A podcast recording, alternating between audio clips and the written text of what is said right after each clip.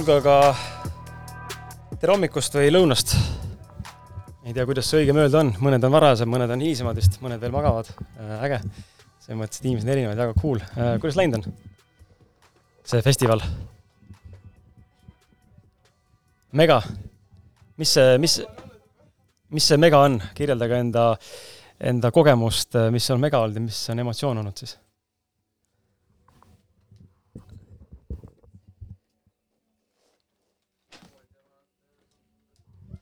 mis siin peamiselt, ma ei ole kursis selles mõttes, mis siin peamiselt tehtud on, muusikat on siin, mis siin veel tehakse, on mingid äh, tantsuvärgid, äh, mingid, äh, mis siin veel on? töötoad, missugused töötoad? näiteks? okei okay.. okei okay., kas mina olen täna esimene selle festivali jooksul, kes nagu reaalselt räägib või on eelnevalt ka keegi käinud nii-öelda rääkimas või? okei okay., okei okay., kuidas, kuidas oli, kuidas läks? Okei. Okay. jah, okei. Okay.. väga lahe, teeme niisuguse interaktiivse, et ma püüan, püüan seda asja ehitada üles selliselt, et see on äh, fun ka teie jaoks ja, ja ja, ja et, äh, et oleks ka interaktiivsus selles mõttes, et kui on küsimusi või, või tahate enda mõtteid jagada, siis see kõik on teretulnud, et ma ei tahaks teha sellest mingisugust, äh, ma ei tea, mingit loengut asja, et see ei ole loeng ega mingisugune koosolek ega monoloog minu poolt, vaid pigem ma lihtsalt jagan mõningaid mõtteid, et ja, ja võib-olla teil on sellest kasu mis ma lihtsalt olen näinud ise,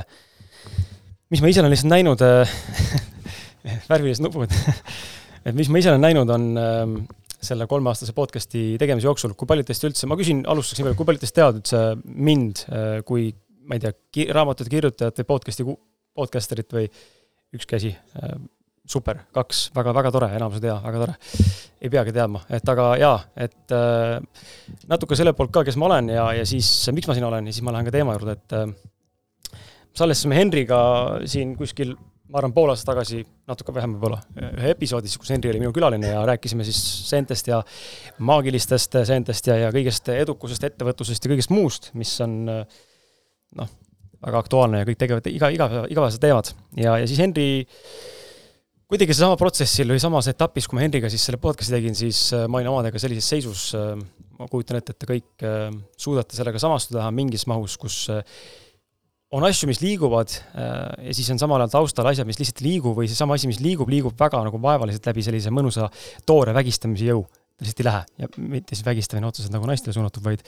ülekantud tähendusena igaks juhuks. ma kasutan väga vulgaarselt teinekord äh, sõnu ja väljendusi, see olen mina, et siis peate sellega karjuma siin.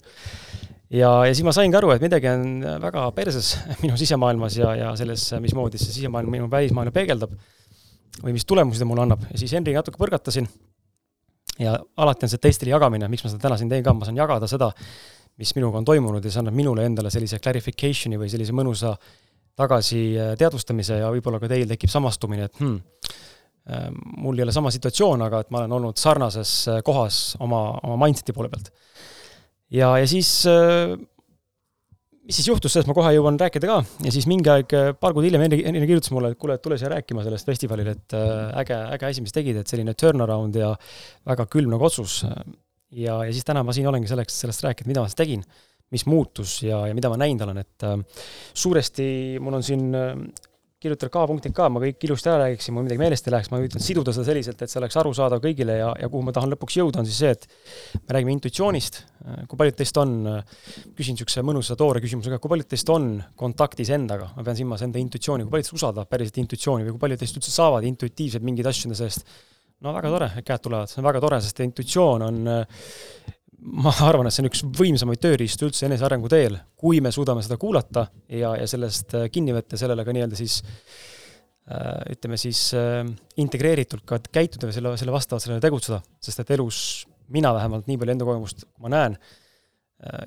intuitsiooni pealt tegutsedes ei ole mitte kunagi mitte midagi halvasti läinud. isegi kui näiliselt alguses tundub, et midagi on fucked up, siis see oli mingi asja heaks.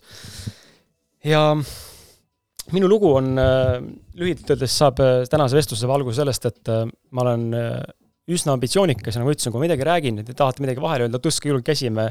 saame seda arutada, mul küll teine mikker jäi koju, ma oleks võinud anda siia ringile ka lasta, aga siis kuidagi ma üritan seda niimoodi teha, et ma saan sellega linti võtta, et ma siis kordan teie lauseid ja mõtteid, vahet pole, ma salvestan seda tegelikult ka, et see läheb podcast'ini üles. aga ma olen äh, üsna ambitsioonikas inimene ähm, ja üldse mitte ego tasandilt, vaid äh, vaadates ennast siis, mida ma elus teinud olen, äh, seda ei ole küll väga nagu hullult palju, ma ei ole Elon Musk, eks ole, või, või Bolti looja, Markus Villig, on ju, aga selles mõttes väga palju asju elus katsetanud, proovinud, samamoodi ma arvan, et teie enda puhul, ma olen lapsest saati olnud ambitsioonikas, tegus, olen tahtnud alati nagu initsiatiivi võtta ja see on hakanud pihta isegi seal nooruspõlves, kus ma olin, ma ei tea, kooli ajal juba. Äh, tegelesin igast kuradi õpilasesinduste presidendiks olemise ja mingite koolilehtede tegemistega ja, ja üldse hästi sihuke luulevõistlused ja noh, sihuke mõnus, sihuke pugeja, vaata noh, noorena. ja, ja heas mõttes pugeja ja alati tahtnud nagu teha ja toimetada ja anda endast nagu selline äh, maksimum, sest see drive mu sees, see tuhh nii-öelda, energia, seda on nii palju olnud kogu aeg üle äh, ja olen tahtnud alati leida väljundit, kuhu seda panna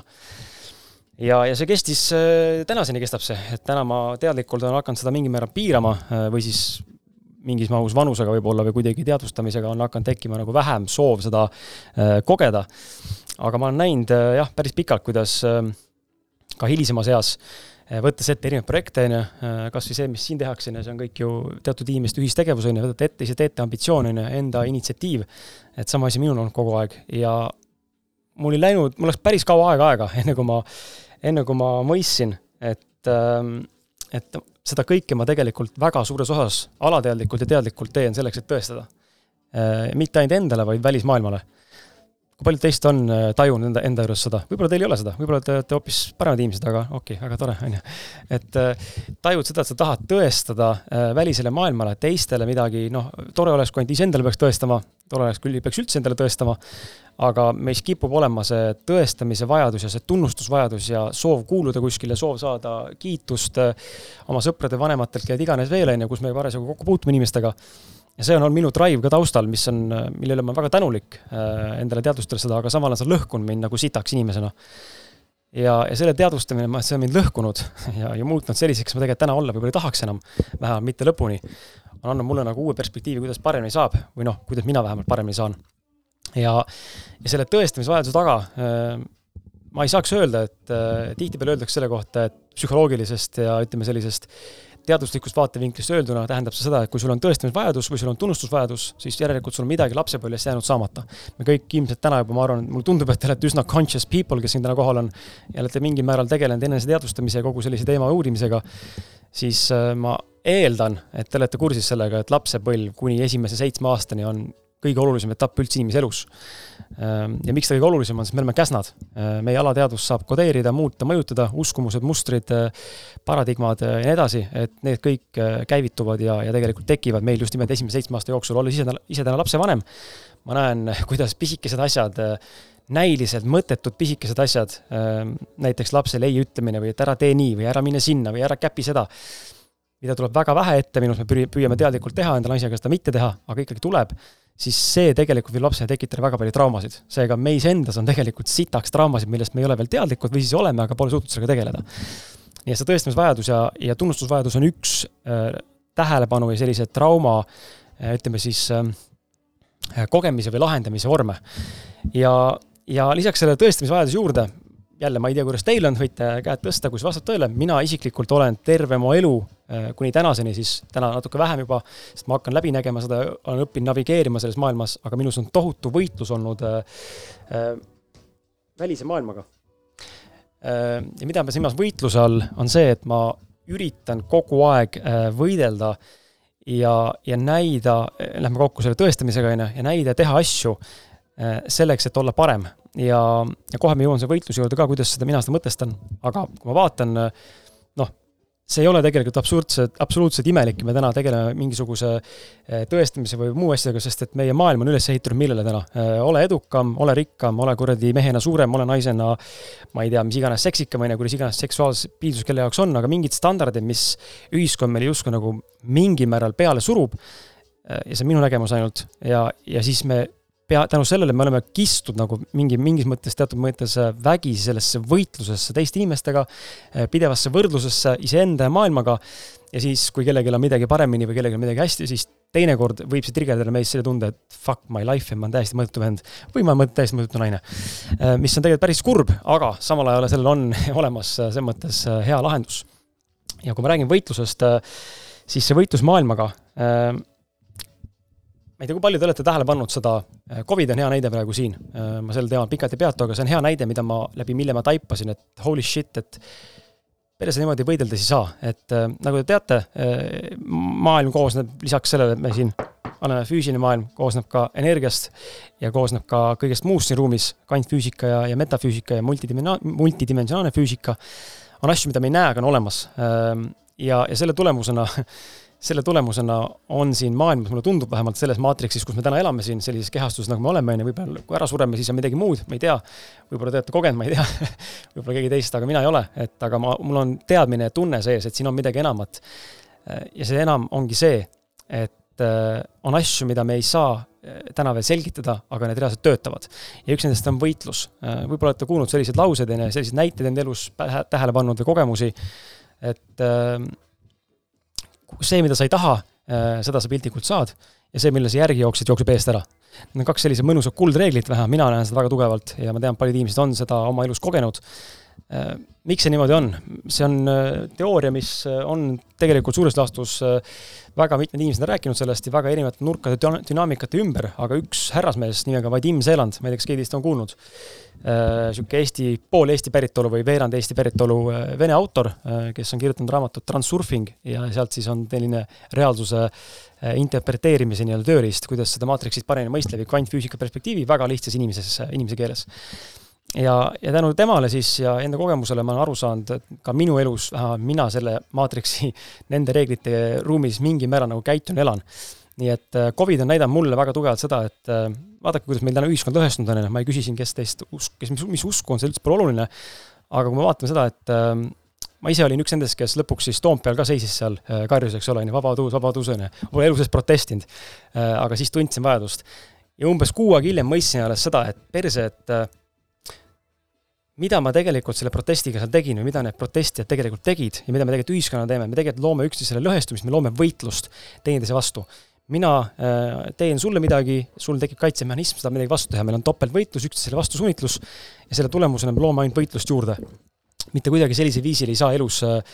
minu arvates vähemalt edasi liikuda, võitlus loob võitlust ja võitlusega sa ei võida mitte kunagi seda, mida sa tegelikult võita tahad äh, ja see Covidi näide nagu on minule väga selgelt näidanud seda, et äh, võideldes me ei saavuta seda, mida me tahame, nüüd on küsimus, kas peaksime laskma enda elu poolt või siis teiste inimeste poolt või sündmuste poolt pähe istuda. Äh, kindlasti mitte, seal on tasakaalupunkt, milleni ma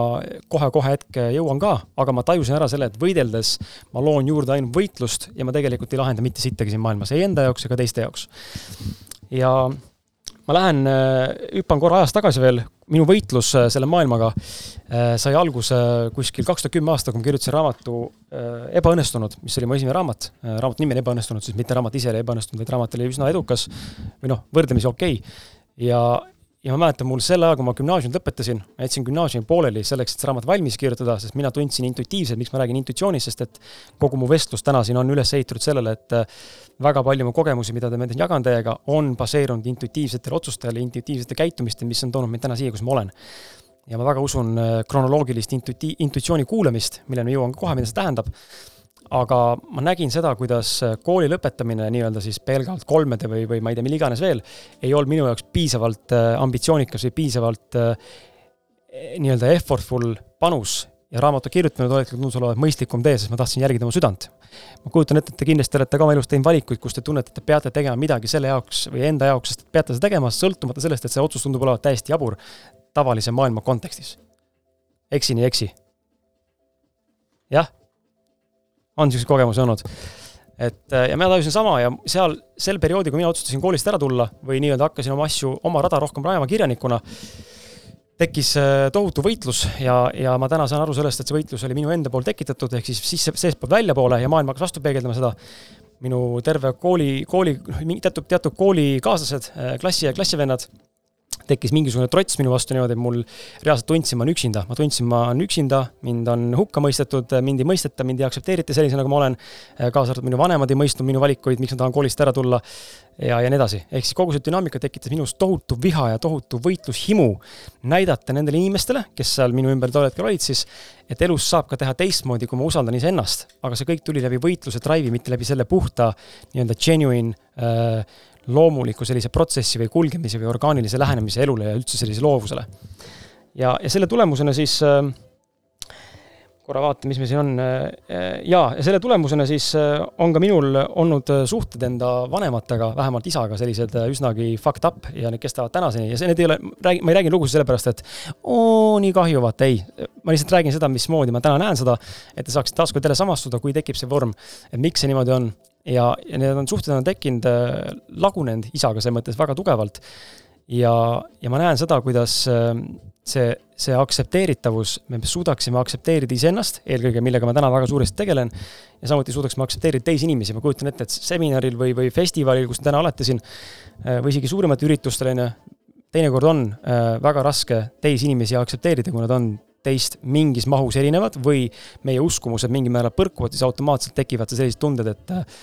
me ei suuda neid tihtipeale aktsepteerida. tore on, kui te suudate seda teha, aga tavalised inimesed ei suuda eriti ja sellega vajab päris palju tööd, et leppida sellega, et kõigil on õigus, vähemalt mingis mahus. et kui mina ütlen sulle, et äh, ma ei tea,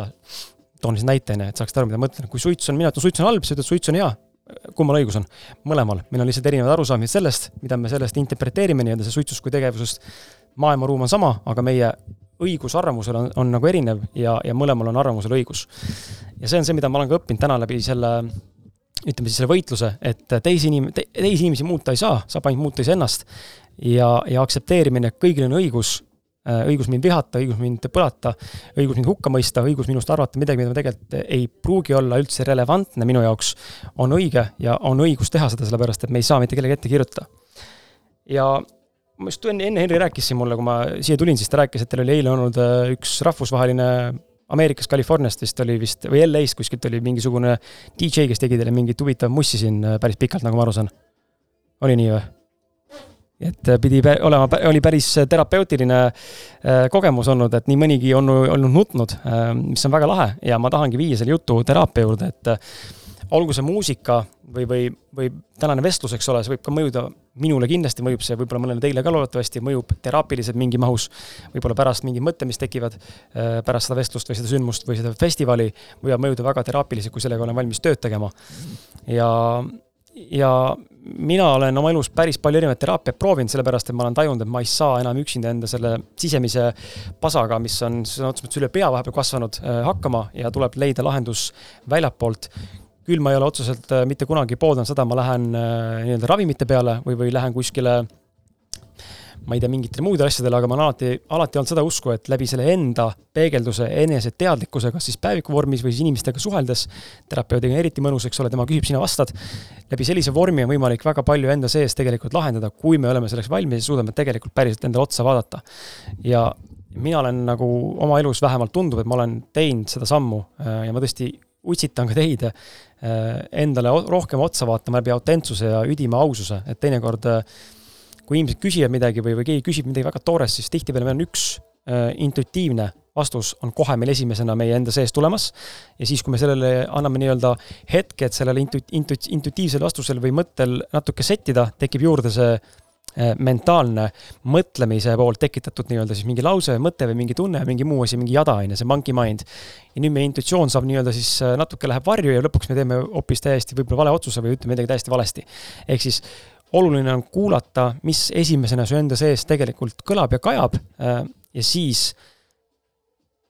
ma isegi utsitaks selle najal kohe ka käituda, sest teinekord see on, on ebamugav endale midagi tunnistada, eriti kui sul ümberringi inimesed näiteks äh, või oled kuskil seltskonnas äh, või isegi üksinda, on väga raske teinekord endale tunnistada midagi, mis su enda sees on. ja mul on äh, sõbranna, kes on nimega Anne Laun, kui teid huvitab, saate üles guugeldada. tegelikult on tegemist ettevõtlus coach'iga, aga ta teeb ka selliseid, ütleme, ta oskab minna väga spirituaalsele tasandile ähm, ja, ja vaimsele tasandile laskuda äh, eravestlustes kui coach'ide äh, sessioonidena. ja ma olen käinud ka väga palju hüpnoteraapias, kus siis, ähm, kas teist keegi on käinud hüpnoteraapias juhuslikult? ei ole? väga huvitav, see on äh, sisuliselt läbielamisteraapia, kus sulle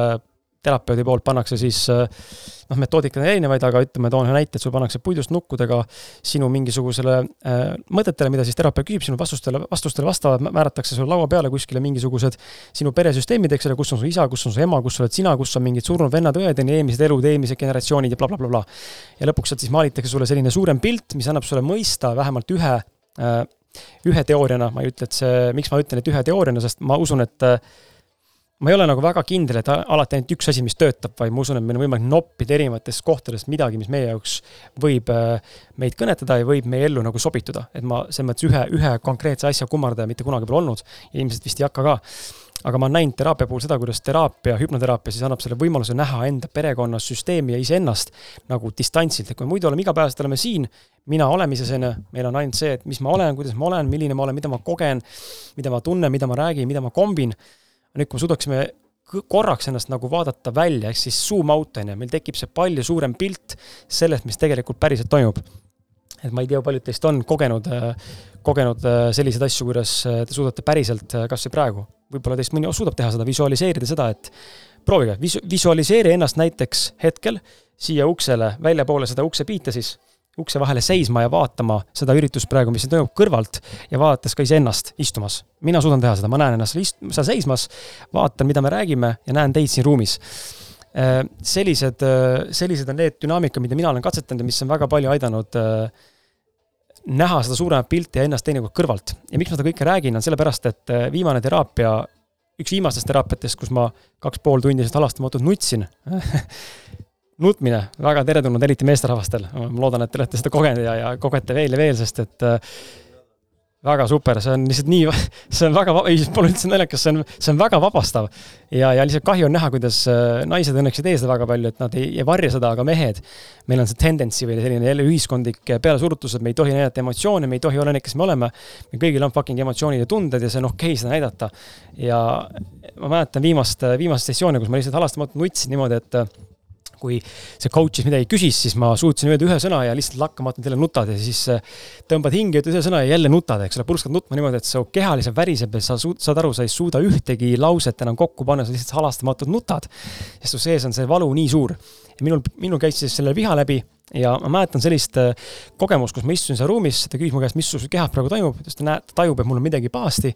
ma tajusin viha enda sees, äh, sedasama viha, mis mu sees on olnud viimased viisteist aastat, mis on tulnud siis sellest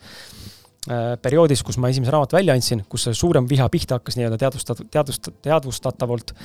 ja ma tajusin, et ma olen üleni viha täis, küll aga ma ei läinud sellesse emotsiooni sisse nagu tavaliselt, ehk siis ma ei, ma ei käivitunud ega reageerinud sellele. ma ei muutunud emotsionaalselt äh, ebastabiilseks, ei hakanud seal sõnu lahmima, ei hakanud seal rapsima ega kokutama ega muud tegema, aga ma tajusin, et mu keha on täitunud või ümbritsenud vihaga. ja kuidas ma seda kogesin, ma olen väga visuaalne inimene. ma tean, et paljud inimesed ei ole äh, võib-olla nii visuaalsed aga ma olen selline, ma küsiks ka teilt, kas teil on ka samamoodi, kui te kui ma palun teil nagu kasvõi lahtiste silmadega või suletud silmadega näiteks ette kujutada, ma ei tea, siniste kõrvadega, valgete kõrvarõngaste ja, ja roosa sabaga musta värvi elevanti, kas te näete seda? jah, enamus inimesed, suur osa inimesi näeb, aga on, on inimesi, kes siis mõistuselt või aju, nende aju, ajukeemia, ajudünaamika töötab selliselt, et nad näevad äh, Nad ei näe nagu pilti, nad näevad, no nad tunnevad ja nad näevad teinekord sõnu või kuidagi teistmoodi mõtteid. mina näen pilti, mul on mustvalge, värviline pilt, eks ole, jookseb. ja ma näen pilti. ja ma nägin, ma istusin seal ja mu keha kattis üleni selline, et kui võtta nahk ära, siis naha all ma nägin üle mu terve keha. vaata, kui joonistatakse äh, laiba kontuur piltlikult öeldes selle kriidiga, on ju, noh, toome näite, on ju inimese keha kontuur, me nägime ümber mu keha on selline valge, valge nagu mingisugune kile või sihuke, sihuke spermavalge, ma ei tea, tähevalgus, sihuke teis-, sihuke hästi-hästi erevalge, sihuke imelik, ei paista natuke isegi. oli ümber ja ma tundsin, see on viha mu keha sees, ma pole varem enda keha selliselt tunnetanud, tajunud ja mu ümber on viha. ja, ja siis ma, mul paluti minna lapsepõlve tagasi äh, ja miks ma alguses rääkisin lapsepõlvest, eks ole, sellepärast et nii palju meie seda, mis me täna täiskasvanuna kogeme ja läbi elame, on seotud just nimelt laps, lapsepõlvega ja mul paluti minna lapsepõlve tagasi. Ja, ja kujutan endale ette seda väikest äh, Krissi siis, kes istus seal ja kes tundis seda viha või kes oli pettunud. Ja ma nägin vaimusilmas ennast istumas sellises, sellises nagu ma ütlen, kägaras nagu kükitavas poosis. Eh,. niimoodi piltlikult öeldes onju, peal oli isegi norgus veits. Ja, ja ma ei saanud alguses endale läheneda, sest et mingid kaitsekihid olid peal minu enda sees. Eh, see kõik toimus siis mu peas, on ju, loomulikult mitte, et siis füüsiliselt lähenesin väiksele lapsele, on ju, et et hallutsinatsiooni ei olnud, aga mu peas mängisin seda läbi ja, ja lõpuks ma siis sain äh, kuidagi ta lähedale, äh, midagi ütlesin talle viisakalt, eks ole, et äh, mis iganes need rahustavad sõnad seal olid vastavalt situatsioonile, mis meil seal teraapia jooksul siis välja tulid, miks see viha on käivitunud. ja, ja lõpuks see lahenes sellega, et ma nägin minu sisse, siia rinnakusse tekkis nagu sihuke mõnus viiesentimeetrine haav, mille sisse läks siis selline nagu ütleme, muna või, muna või ovaalne muna või ova, sihuke ovaalikas mingisugune valge sihuke kuju või tükk, päris suur, sihuke tikutohi suur, natuke suurem isegi ja, ja see lõpuks siis sulandus üleni see sisse mul ära, rind siis, mis oli haav tekkinud siia visuaal, visuaal, visuaalis, see kasvas kinni. ja ma mõistsin selle teraapia jooksul äh, viha kohta seda, et kui ma arvasin, et äh, mul on tohutu viha olnud enda koolikaaslaste vastu, äh, just nimelt sellest samast perioodist, mis mul siis esimese raamatuse jooksul tuli. ja kui mul terapeut küsis, et ma arvasin, ma arvasin, et mul on viha olnud ühe noormehe vastu, klassivenna vastu. ja kui ta küsis, et mis ta sulle teinud on, et sul see vihade vastu on ja ma ei osanud vastata sellele küsimusele, sest et ma sain aru, et mul ei olegi mitte midagi vastu. aga mul on lihtsalt viha, meeletu viha. ja kui ma seda seal seedima hakkasin, siis ma tegelikult suutsin terapeudile või sellele coach'ile kirjeldada seda noormeest väga rõõmsalt ja positiivselt ja toredalt inimesest, kes, kes ta tegelikult ka oli, ma mäletan teda väga hästi. väga tore inimene oli. aga mingil põhjusel ma olin äh, selle viha suutnud ka panna, kandma üle sellele härrale, kuigi tegelikult kogu see case tiiris läbi ühe sõbranna ja ma olen rääkinud siin sellest maailm on meie, meie peegel, eks ole. Äh, kui paljud teist on seda kuulnud, ma ei tea, aga maailm on meie peegel. ja, ja suhted ja lapsed on suurepärased äh, peegeldajad meile tihtipeale, teised inimesed eriti tegelikult nii et sellistest festivalides osalemine või inimestega koos olemine või väga pingelistes ja, ja kriitilistes olukordades osalemine tegelikult on mingil määral isegi hea, sest et see käivitab meis triggereid, mida me ise käivitada ei oskaks või ei suudaks või ei tahaks. nüüd on küsimus, kas me oskame sellele otsa vaadata, sellega päriselt tegeleda. ja kui ma sain aru, et mu viha tegelikult tuleneb sellest, et üks klassiõde, klassiõde oli mulle peegel läbi selle, et mind tegelikult ei aktsepteerita ja mina olin talle omakorda peegel tänu selle, et Äh, mis tal kodus siis toimus, on ju, me jälle teraapias me saame teha läbi mingeid vorme, me saame oletada mingeid asju, me lõpuni ei tea, mis tegelikult kellegi kodus toimus või mis kellegi elus toimus, aga me saame oletada mingisuguse tunde kätte, mis võib tekitada neid situatsioone, mida me oleme kogenud. ja, ja see, sellest minu meelest piisab, on ju, miks ma toon selle näite, on see, et noh, kui ma räägin, toon nagu näite, kui ma räägin sellest, et sõbranna või klasside, kelle vastu ma viha oli, miks ma talle peegel olin, siis jõudsime nagu selle coach'iga siis koos sellele sessioonile või arusaamisele, et tõenäoliselt on tal kodus äh, selline seis, kus tal ei lasta väga palju rääkida ega enda arvamust avaldada. ja tal ei jää muud üle, kui seda teha klassiruumis minu vastu, mind takistades, sest ilmselt tal on samasugune sarnane dünaamika kodus enda vanematega, kus on pidev võitlus, kes saab sõna ja kelle arvamus jääb peale. ja, ja see on lihtsalt üks teooria, aga see teooria andis mulle kinnituse, miks meil toimus selline konflikt selle klassiõega. ja see seal äh, coach'i sessiooni jooksul siis andis mulle aimu ka sellest, äh, miks ma olen ennast selliselt tundnud ja, ja kuidas tegelikult seda viha lahustada ja tegelikult äh, pärast seda sellist mõnusat läbielamist ja, ja vestlust ma sain aru tegelikult, et see oli lahustunud ja see minu sees oli kõik olnud selles mõttes, sõna otseses mõttes pseudoviha, mida ma olin endas lihtsalt kandnud mingil olematul põhjusel ja teinekord äh, ma kujutan ette, et te olete sama asja kogenud, teinekord me kujutame endale ette väga palju, on ju, me kujutame endale asju rohkem ette, kui nad tegelikult on. Äh, ja selleni, selleni me jõuame ka mingi hetk siin lähima poole tunni jooksul, äh, mida see tegelikult tähendab ja miks see tekib meie sees. aga me ise mõtleme teinekord asju väga palju üle, vähemalt mina enda elukogemuse pealt näen seda, kuidas ma mõtlen väga palju oma elus asju üle, ma ületähtsustan ja panen sellele nii-öelda liiga suure tähtsuse või sellise vormi ja sealt hakkab asi eskaleeruma. ja nüüd, kui me tuleme, ma korra vaatan neid K-punkte, kus me siin sassi läheks, kui me tuleme, tuleme nüüd selle juurde, et see, see, miks Henri mind kutsus siia, on ju, et ta soovis, ma jagaksin seda, kuidas sisuliselt enda asja tehes äh, on võimalik asju perse keerata. ja mida ma selle silmas pean, on siis see, et kui ma kunagi üks kümme aastat tagasi alustasin siis raamatu kirjutamisega äh,, kirjutasin selle esimese raamatu valmis, kirjutasin ka teise valmis äh,, mul on äh, kaks raamatut isegi kaasas, kui kellelgi on soovi äh, neid endale soetada, siis pärast saate sirvida, mul on kaks raamatut kaasas ka tähendab, kokku on kümme raamatut kaasas, mõlemat raamatut kaks, on ju. tähendab, kaks erinevat raamatut, kogus on kümme, mis iganes, et, et saate nagu sirvida ja, ja siis, kui ma selle teise raamatu valmis kirjutasin, siis ma nägin, nägin väga tugevalt seda, et mul ei piisanud enam sellest kirjutamisest ja ma tahtsin saada teistsugust loomingulist väljundust ja ma hakkasin tegema Youtube'i. ehk siis neid vlogi, mingi aeg oli see vlogimine väga popp, on ju, mitte täna enam ei oleks, aga on täna, tänaseni veel. aga mingi aeg oli väga suuresti eskaleerunud, jõudis alles Eestisse ja kõik hakkasid tegema seda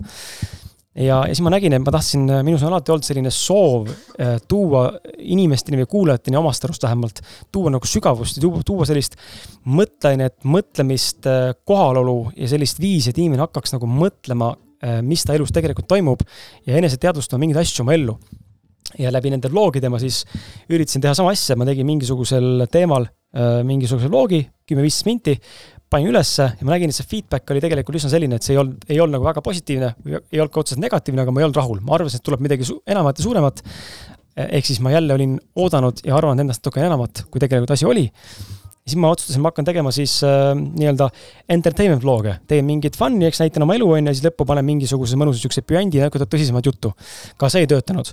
Ja miks ma seda kõike räägin, on see, et meie elu on pidev kulgemine ja ma kujutan ette ja ma usun, et te kõik olete oma elus katsetanud erinevaid asju ja jõudnud erinevate asjadega mingitesse staadiumitesse, kus te tunnete, et tegelikult see ei ole see, mis teid teenib ja nüüd on küsimus, kas me julgeme edasi minna või midagi pooleli jätta, et võtta mingi uus valdkond ette või mitte. see on see küsimus, mida me peame tegelikult oma peas läbi mõtestama ja ma läksin mingi aeg Euroopasse siis reisima ja otsustasin, ma hakkan siis tegema reisivlooge, et see on ägedam, eks ole, teen inglise keeles. Fa-Fa-ga on ju, teeb travel vlogid, järgmine suur äh, travel vlogger, kellel on miljon subscriber'it äh,. üllatus-üllatus äh,, täielik äh, fail äh, põlesin täielikult läbi. Äh, taaskord jälle nutsin, mäletan Lissabonis, Portugalis siis kõndisin tänaval ja nutsin, sellepärast et ma tulin oma palgatöölt ära oma naisega, sellepärast et ma saaksin puhata ja stressivabalt nautida siis talve sealsed siis Euroopas on soojem, eks ole, Lõuna-Euroopas, talveperioodi autos elades ja, ja Euroopas ringi reisides kolm kuud, aga ma olin kogu aeg focused ja fookuses ja fokusseeritud kogu aeg sellele, ma saaksin võtta neid kuradi ma videoklippe niimoodi üles, et kodustel eestlastel oleks tore vaadata. ma tegelikult mõistsin, ma ei naudi absoluutselt seda protsessi, ma ei naudi reisimist, sellepärast et ma olen hoopis mujal, ma pole mitte kunagi kohal. ja, ja siis ma jätsin selle asja vlogimise pooleli, pidin endale tunnistama, et ma sakin vlogerina ma ei tea, kas te olete endale pidanud ise tunnistama, et ma milleski siis tegelikult sakin, kuigi see valdkond sulle väga meeldib? jah, ei, jah.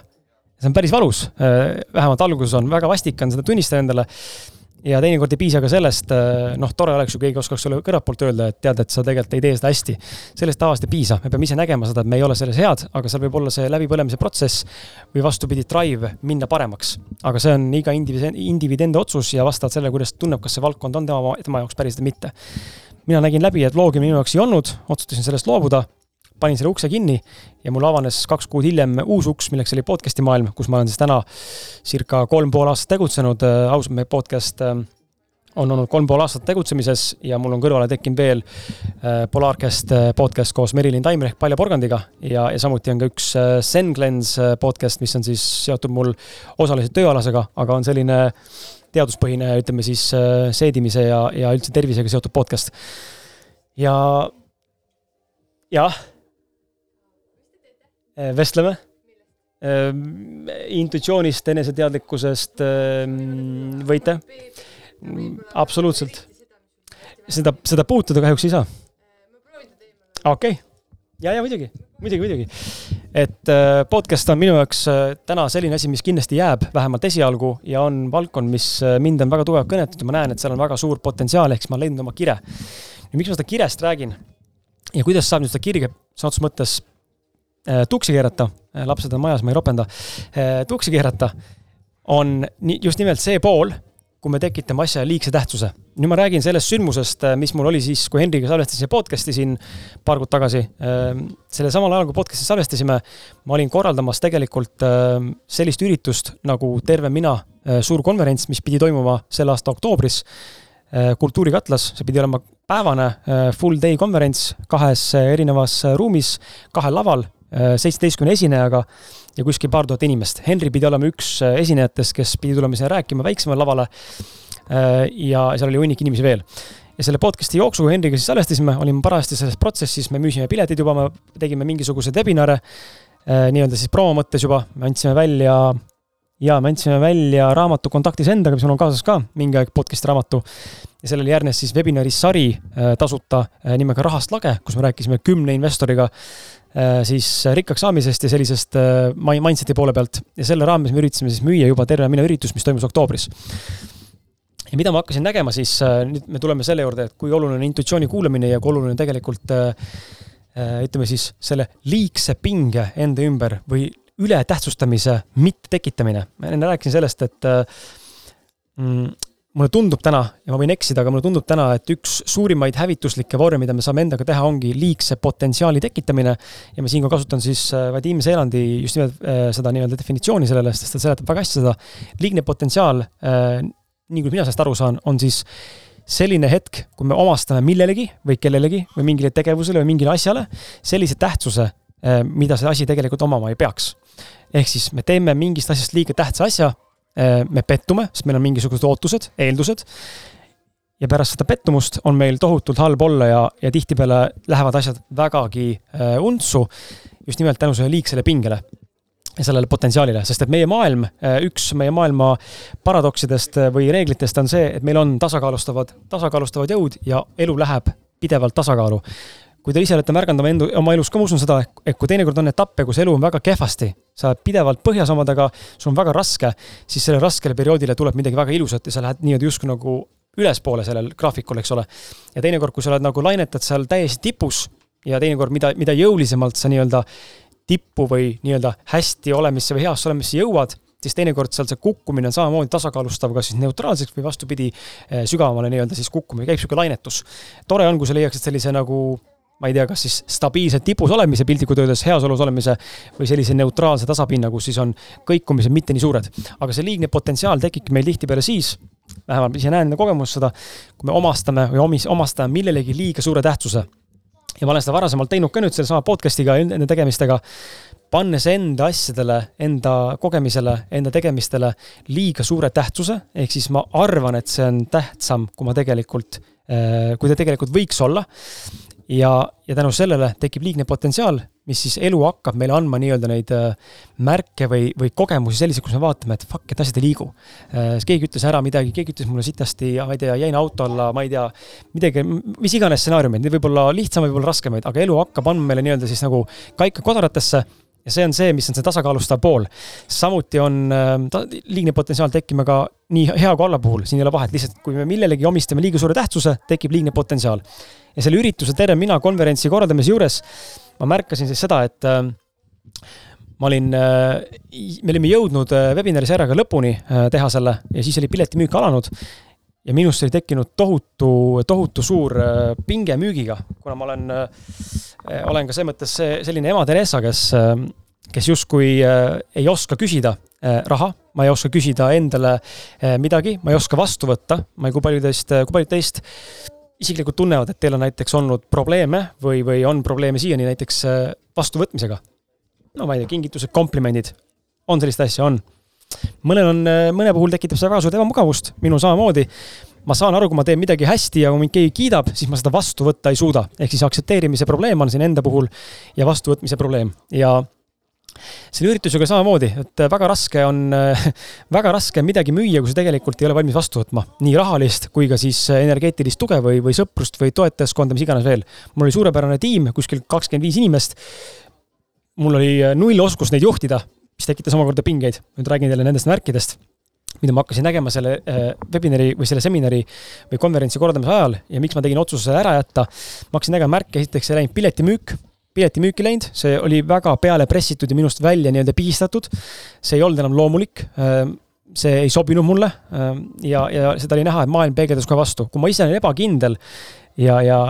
ütlen siin ebakindla näiteks, ma ei tea, ma pakun teile teenust, toon näite, eks ole. pakun teenust, ma ütlen oma hinna äh, või müün oma raamatut ja ütlen sulle ebakindlalt selle hinna, siis sa tajud seda ebakindlust. ja väga suure tõenäosusega sa ei taha seda hinda maksta. vahet pole, kas see on viis, kümme või kakskümmend viiskümmend, sada eurot. kui minu eneseväljendus on ebakindel Äh, siis inimene tavaliselt tajub seda.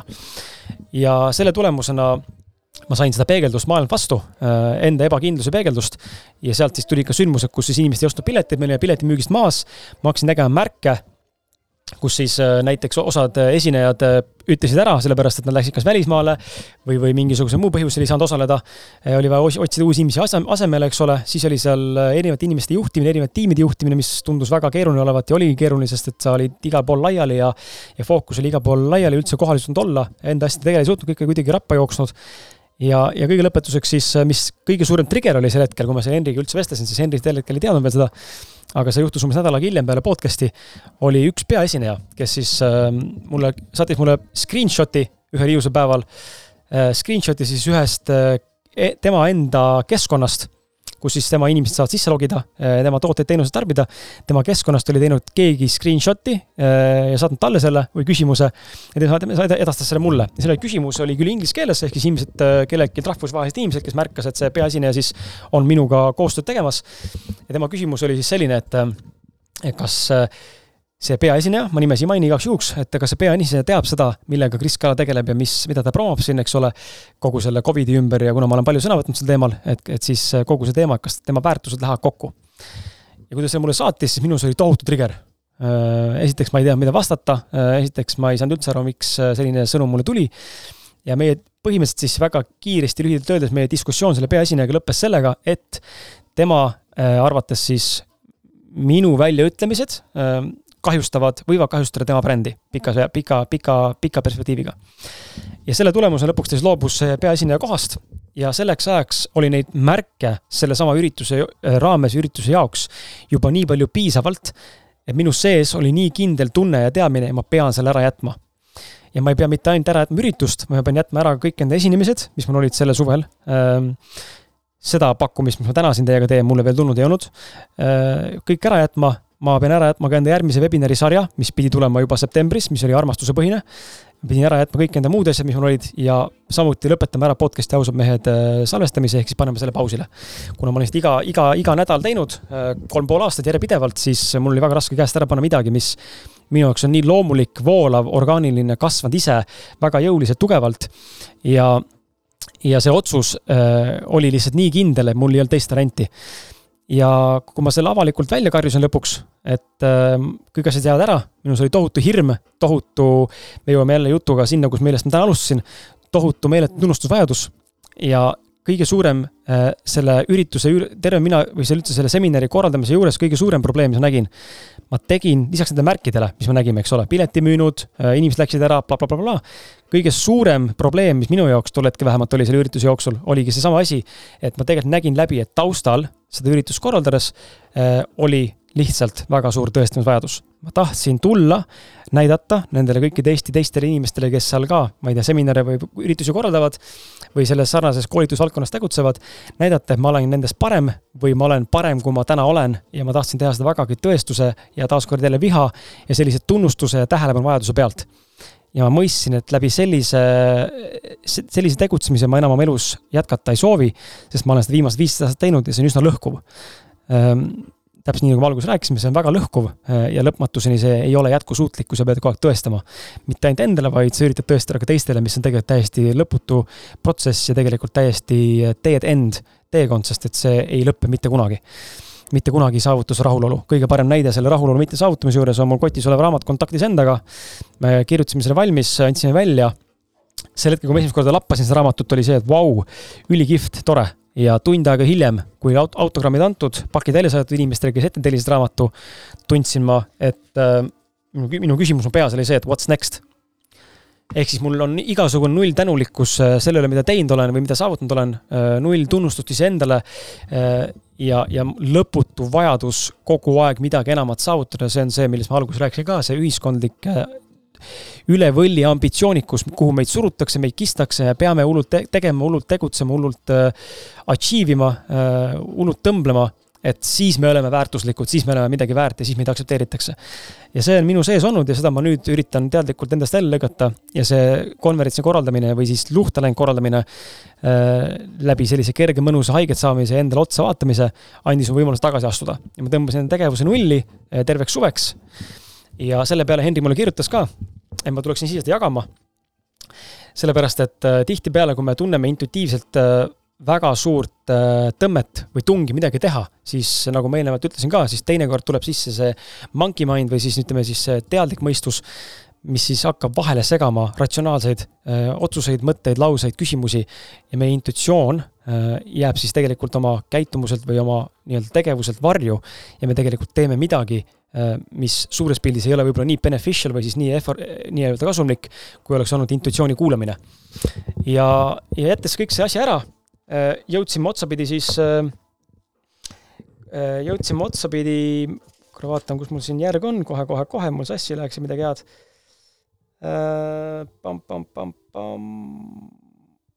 Jaa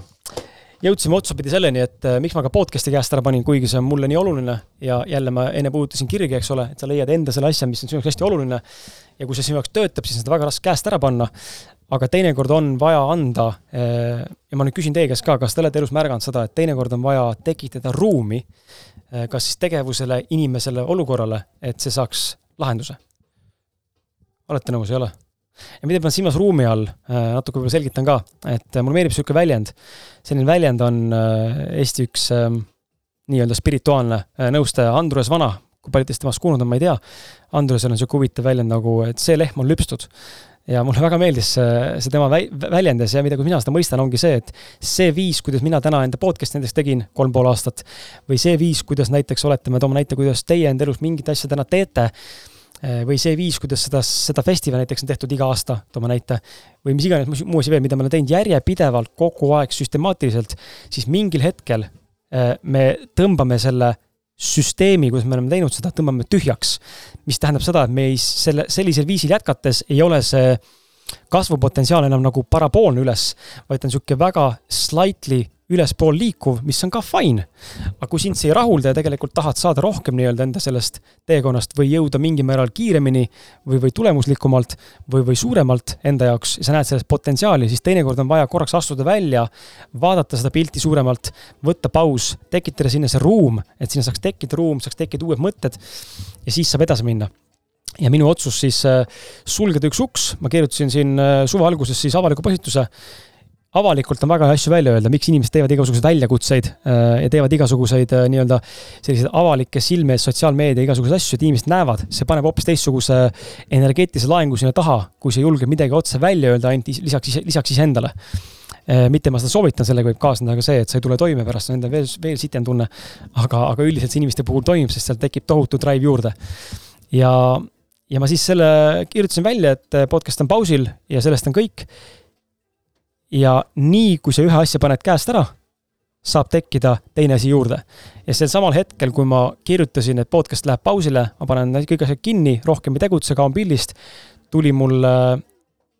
kõne reaalselt, ma arvan, üks kümne minuti jooksul ühelt härralt, kes palus mind enda ettevõttesse tegevjuhiks, kus ma täna siis ka nii-öelda ettevõttepõhiselt tegutsen. ja jälle valdkond, äh, kuhu ma poleks ise osanud mitte kuidagi minna ega mitte kuskilt otsida ehk siis see oli mulle konkreetne tõestus sellest, et teinekord on vaja astuda korraks samm tagasi, panna see pausile, mitte jätta pooleli, mõnikord on vaja ka pooleli jätta, kui sa tunned, et see on sinu jaoks lõplik asi. aga teinekord on vaja lihtsalt jätta korraks paus, et saaks sisse tekkida uus hingamine ja anda uus vorm sellele, kuidas seda asja edasi teha. ja, ja selle tulemusena äh, leidsime endale uue väljundi äh, kõrvale, mida ma täna veel teen, eks ole, lisaks sellele podcast'ile. ja jõudsin siia, kus ma täna olen, äh, miks Henri mind siia kutsus et äh, näidata tegelikult sulle, äh, ma korra vaatan, kas mul siin jäi midagi vahele. Äh, jaa, et näidata ka, näidata ka, näidata inimestele, eks ole, ja mulle ka seda, et teinekord ka enda selle kire või enda selle päris asja, mis iganes sa oma, elus ka ei teeks, on vaja julgust ja, ja julgust just nimelt iseenda vastu ja ka ausust iseenda vastu ja, ja autentsust esile tuua, et panna see päriselt korraks käest ära, et saaks tekkida äh, midagi sellist, mida sa ei oska võib-olla mõistusega välja mõelda, aga mis tegelikult sind teise ukse taga justkui ootab. ja ma olen väga nagu seda meelt, et ma ei tea, mis, mis usku te olete, aga ma olen väga seda meelt, et elu on teataval määral äh, ette määratud. Äh, ma usun mingis mahus seda, et enne kui me siia inkarneerusime või siia kehastusse äh, tulime, siis me oleme kuskil teises vormis, teises kehastuses äh, kokku leppinud nii-öelda piltlikult öeldes ümarlaua taga, mida me teeme, mida me kogeme, kus on meie suurimad ristumiskohad kellegiga või millegiga.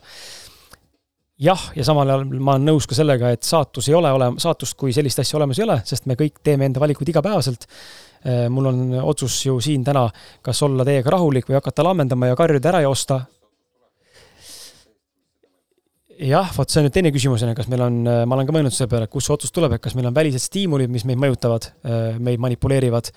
äh, välised energiad, välised, ma ei tea, olendid, energiad, egregorid või see võib olla ka meie enda sisemaailm, mingid konfliktid, on ju, kui meil see intuitsiooni kuulamine või, või selle kogemine ei ole piisavalt puhas või pole piisavalt endaga kontaktis, selle, sellisel määral me suudaksime interpreteerida, mis on päriselt mina ja mis on nii-öelda mulle äh, sisestatud uskumus, nii nagu ma rääkisin alguses lapsepõlvest, on ju, et väga palju asju seits-, esimese seitsme aasta jooksul saab nendesse väikestesse indiviididesse sisse pandud, on ju. ma ei näe, kas sul keegi on seal reaalselt sees või, on ikka vist jah. et äh, esimesed seitse aastat on nii olulised, et äh, ma ise täna näen ka oma lapsega samamoodi, kuidas see on nii palju mõjutanud. et, et ainuüksi selle juba, juba seal, sealt east alates, sünnist alates, selle autentsuse alles hoidmine ja selle säilitamine, selle hoidmine on see, mis aitab meil olla äh, autentne iseendaga ja ma toon ühe näite autentsuse juurde siia enne kui ma hakkan otsi kokku tõmbama, mul oli selle podcast'i jooksul, äh, selle podcast'i jooksul saatejuhina ma olen võtnud vahepeal rolli või mingisuguse osakese enda sisse, kes ma tegelikult ei ole, või siis vastupidi, õigem oleks öelda, alla surunud mingi osa enda autentsusest, kes ma tegelikult olen. sellepärast, et mulle mõned inimesed äh, julgesid siis äh, mingil hetkel öelda välja, et minu ropendamine näiteks, ma räägin just ropendamisest, minu ropendamine on liiga brutaalne ja äh, kuulajaskond, kes seda kuulab, ei soovi võib-olla kõik kogeda seda, kuidas ma ropendan või vulgaarselt ennast esitlen. ma alateadlikult surusin ennast alla, panin selle nii-öelda enda selle poole, panin off'i Äh, ja olin selline äh, Kuku Pai saatejuht ja üritasin kõigiga nõustuda ja kõigiga nõus olla, kõigiga päri olla, hästi sihuke voolav, hästi toetav, hästi kohal, hästi neutraalne. Kuni mingi hetk ma mõistsin, et sellisel viisil ma enam edasi minna ei saa, sellepärast et ma olen just nimelt selle brutaalse osa endast ära surunud või sulgenud, mis ongi osa minu autentsusest. ja, ja seda ma, seda ma olen ka nagu näinud, et äh, ülimalt oluline ongi see, et kui see intuitsiooni juurde, kuulamise juurde käibki see autentsuse enda osapool endaga ausaks jäämine, enda aktsepteerimine, kõigi nende külgede ja võimaluste aktsepteerimine, kes me tegelikult oleme. ja, ja tulles selle aktsepteerivuse juurde, mis ma enne rääkisin sellest coach'i sessioonist, siis ma sellesama coach'iga olen ka alles hiljuti, kaks, kuskil kolm nädalat tagasi, eh, oli mul hea vestlus taga, kus ma sain jälle aru sellest, et ma olen oma elus ma tahan, mul on selline tunne, ma tahan, ma tahan kogeda rikkust, eks ole, ei ole elus kogenud väga nagu sellist suurt rikkust. tahaks kogeda ilusamat kodu, tahaks kogeda paremat autot ja, ja võib-olla ka natuke paremat materiaalset seisu, kui täna on. ja ta küsis kogu aeg, miks. ja, ja minu ainuke vastus, mis ma siiani olen andnud olen, on see, et ma tahan lihtsalt, et mul oleks valikuvabadus. ja ma usun, et küllus pakub valikuvabadust. ja ta küsis, miks, kuniks ma jõudsin siis selleni, et tegelikult äh, ei suuda ma aktsepteerida seda, kus ma täna olen ma ei suuda aktsepteerida seda, kus ma täna olen ja kuidas asjad tegelikult täna on, mille taga tegelikult on hirm, et see jääbki eluks ajaks niimoodi, nagu täna on. Ja, ja siis ma mõistsingi seda, et minus on tohutu hirm äh, ja ma ei otsi mitte küllust ega, ega rikkust ega autot ega maja, sellepärast et ennast paremini tunda, vaid ma tahan seda kompenseerida sellega, ma ei suuda otsa vaadata sellele, ma ei suuda tegelikult ennast aktsepteerida lõpuni. sellisena, nagu ma täna olen, mõistmaks seda, et see, kus ma täna olen, ei tähenda, et niimoodi jääb terveks eluks ja, ja ma arvan, et see on väga paljudel inimestel ka äh, üks äh, kindlasti probleeme, kus me arvame, et äh, või meile vähemalt tundub, on ju, et kuna me oleme nii, inglise keeles on hea lause on caught up, on ju, eesti keeles on siis, me oleme nii sees selles igapäevarütmis, kus me näeme ainult seda, mis on praegu, võib-olla ka natukene lähitulevikku, aga üldiselt me nagu ei suuda hoomata seda, mis võiks olla see potentsiaal või need võimalikkused või tõenäosus, mida me võime veel oma elus kogeda, kui läheb viis või kümme aastat mööda, on ju, tegelikult võib ka vähem minna mööda, võib-olla elu muutub nädalaga, elu muutub päevaga mõnel, on ju. et see on kõik meie enda teha ja, ja ma väga tugevalt sain aru sellest, et hirm on nii suur lihtsalt selle ees, et võib-olla ma jään stagnatsiooni ja kõik, mitte miski mu elus ei muutu. ja, ja, ja see on see minu suurim taipamine, mida ma tahaks edasi anda ka äh,. Äh, edasi anda just nimelt selle, selle, selle tänase asjaga seoses ka, et lisaks intuitsiooni kuulamisele ja nendele märkidele, et oluline on äh, mis ma nagu näinud intuitsiooni kuulamise juures hästi oluline, minu meelest vähemalt enda kogemusest, on märkide äh, märkamine, märkide taipamine, et äh, see, mis su ümber on, noh, toon seesama näite siia tõin sellest näite sellest äh, Terve mina üritusest, on ju, ma nägin, et piletid ei müünud, mingid külalised läksid minema, esinejad kustusid ära, mingid tiimiliikmed lahkusid omavoliliselt ja nii edasi, ehk siis mingid märgid, mis mulle, loomulikult mõni vaatab selle peale, et oh, väljakutse, paneme edasi. see on, märgid on erinevalt defineeritavad ja tõlgendatavad, minu jaoks olid need märgid, et see asi ei liigu. ja kuna mul tuli väga seest tugev konkreetne tunne ja nagu tahe äh, ja signaal, et nii on, ma pean selle ära jätma, siis mul ei olnud teist valikut, on ju. et äh, mul käis kunagi podcast'is Kaido Pajumaa, ma ei tea, paljud teist teavad, kes on Kaido Pajumaa, Eesti üks enesearengu selline, kunagi kirjutas niisugust blogi nagu sisekosmos.ee et äh, Kaido on äh, väga huvitav inimene, ta tõi hästi ilusa nagu näite, ma olen seda siiamaani teinud enda jaoks nagu valgusfooridena, aga tõi nagu lippudena. rääkis kollastest, punastest, rohelist lippudest. et äh, kuidas nagu tõlgendada märke, et elus on teinekord situatsioone, kus on erinevad märgid, siis need märgid võivad olla nii kollased, punased kui rohelised. punane ilmselgelt on siis see, et mitte miski ei liigu, sul on mingi trots on ees, mingi pidev võitlus maailma või iseendaga, kogu aeg on mingid takistused, kogu aeg on mingid piirangud, kogu aeg on mingisugused probleemid kollane on see, et sul on nii ja naa, eks ole, midagi liigub, midagi nagu ei liigu, on ju, selline, see on see lehm on lüpstud nii-öelda paralleel, et nagu see toimib, aga see võib-olla ei toimi päris selliselt, nagu tegelikult sa võib-olla tahaksid täispotentsiaalis. ja nüüd roheline on see, kus kõik voolab niimoodi, et sul sisuliselt võid tõsta käed ülesse ja öelda, et ma ei pea mitte midagi tegema, elu kannab mind. Äh, mina olen kõiki neid asju kogenud äh, ja kõige valusamad loomulikult on need, kus on punane tuli ja sa peksad peaga vastu seina. sest tihtipeale seal sa lihtsalt jäädki peaga vastu seina peksma, sest mitte midagi ei muutu senikaua, kui ise ei muu-, ise, iseennast ei muuda, äh, sest et äh, jälle ma hakkan aru saama seda on raske teinekord mõista, aga hakkan aru saama, et vist tõesti nii on kahjuks või õnneks, et enne sisemaailm, siis välismaailm, et me ei saa äh, mitte ükski väline asi ei muuda meie elu seestpoolt paremaks, me peame ise alustama enda seestpoolt muutmist ja siis äh, tekib alles rahulolu selle välise maailmaga. väline maailm võib olla stiimul ja väike nagu toetus, aga, aga seestpoolt väljapoole tundub olevat vähe minu, minu kogemuse järgi selline asi, mis mulle nagu töötab. Ja, ja, ja ehk siis intuitsiooni kuulamine, märkide lugemine enda autentsuse mitte mahasurumine ja selle aktsepteerimine ja tunnustamine, olla see, kes sa oled, sellisena, nagu sa oled. minul on seda väga raske täna vastu võtta veel, aga, aga, aga work in progress ja, ja kui teil on seesama asi, siis sellega tuleb tegeleda ja kui ise ei suuda, siis selleks on äh, suurepärased inimesed nagu coach'id ja terapeudid, kes oskavad teiega rääkida. ja, ja miks ma just mainisin ka terapeuti ja coach'i, siis minu jaoks nende suurim erinevus on see, et kui ma lähen ma ei näinud väga palju käsi, kui ma küsisin hüpnoteraapia kohta, et kas keegi on kogenud seda. Äh, hüpnoteraapia puhul tavaliselt äh, terapeut siis ütleb sulle ette mingid laused, mida sa järgi kordad mm, või räägib sulle nii-öelda välist informatsiooni sinust, mida ta loeb su infoväljast või mida ta loeb sinu tunnetuse pealt ja sa oled sisuliselt vait, siis coach'iga on selles mõttes huvitav, võib-olla kõigiga ei ole niimoodi, aga vähemalt see Annela, kellega ma koos olen äh, tegutsenud, et temaga vähemalt on niimoodi, et tema küsib ja vastused tulevad ainult minu, läbi minu, minu seest. ta ei anna ühtegi vastust mulle, ta kas kinnitab, öeldes, et tunneb sama noogutab kaasa või küsib veel täpsustavaid küsimusi ja vastused tulevad ainult minu enda seest ja see on see, mida mina usaldan, ma usun, et meie kõigi sees on vastused kõikidele asjadele meie enda sees. küsimus on, kuidas me seda kätte saame ja kas me oskame seda ka tegelikult tõlgendada ja enda, enda kasuks äh, tööle panna ja seda, selle pealt päriselt käituda. Need oleks minu lühikesed mõtted teile täna siin tunni jooksul isegi poolteist tundi ei panekski täis. et äh, kui teil on küsimusi, ma hea meelega vestleksin äh,, mõnda aega ma siin veel olen ja siis sõidan tagasi, et ma ei ole ka mingi etalon ega guru, äh, väga võitlen enda teemonitega samamoodi, äh, igapäevaselt üha vähem ja vähem. aga eks seda sitta on ikka parasjagu palju enda sees ja seda alla suruda ei ole mõtet, äh, lihtne, lihtsam on endale otsa vaadata, aga see on teinekord väga valus. ja, ja võib käivitada selliseid protsesse, kus inimesena väga palju muutud. Ja, seal võib olla ka hirm muutuste ees, on ju, et sa kaotad sõpru, sa kaotad suhteid vanematega või kellega iganes veel või sa kaotad huvi või, või kaotad mingeid muid asju, see on kõik okei okay., et olla, olla aldis, ma arvan, muutustele ja, ja liikuda selle eluvooluga kaasa. ja, ja olla valmis ka võimalikkustele, et äh, see on üks asi, mida ma olen ka nagu mõistnud, et äh, kui me räägime nagu unistamisest või noh, enne oli jutt sellest, et me, tekib stagnatsioon ja me kardame, me kardame seda, et me jääme samasse seisu, kus me täna oleme olnud viimased mingisugune periood, mis tundub meile lõputu, eks ole, olnud olevat, siis ma näen, et unistamise juures ka, mis väga palju aitab kaasa, on see, et see, millest me unistame, me läheme, tulen korraks tagasi selle liigse pinge juurde, et kuidas mitte asju üle tähtsustada. Äh, mis tunne on, kui sa lähed ostma näiteks äh, Rimisse, ma ei tea, Saaremaa vett või banaani, mis tunne on? sihuke nagu tavaline, pohhu ei lähe, jah, ma ostan lihtsalt vett ja banaani, on ju, jumala suva. aga mis tunne on, kui sa lähed, mõtled, nüüd ma ostan Ferrarit või, või, või, või mõnda muud sinu unistust, mis sul väga oluline on. minul vähemalt tekib automaatselt kohe see, et holy shit, et see on mingi, vaata, see on nii suur asi, see on nii kallis ja blablabla, on ju. samal ajal selle tähtsuse asjale, olgu ta banaan, vesi või Ferrari või maja või kuradi reis, on ju, me ise paneme selle asjale liigse tähtsuse või sellele neutraalse vähese tähtsuse. ja mida ma olen aru saanud, kuidas nagu enda asju võib-olla paremini seedida, ongi see, et kui ma enda unistusi äh, püüan ka äh, saavutada või sinnapoole liikuda sellisel viisil, et ma püüan tunda,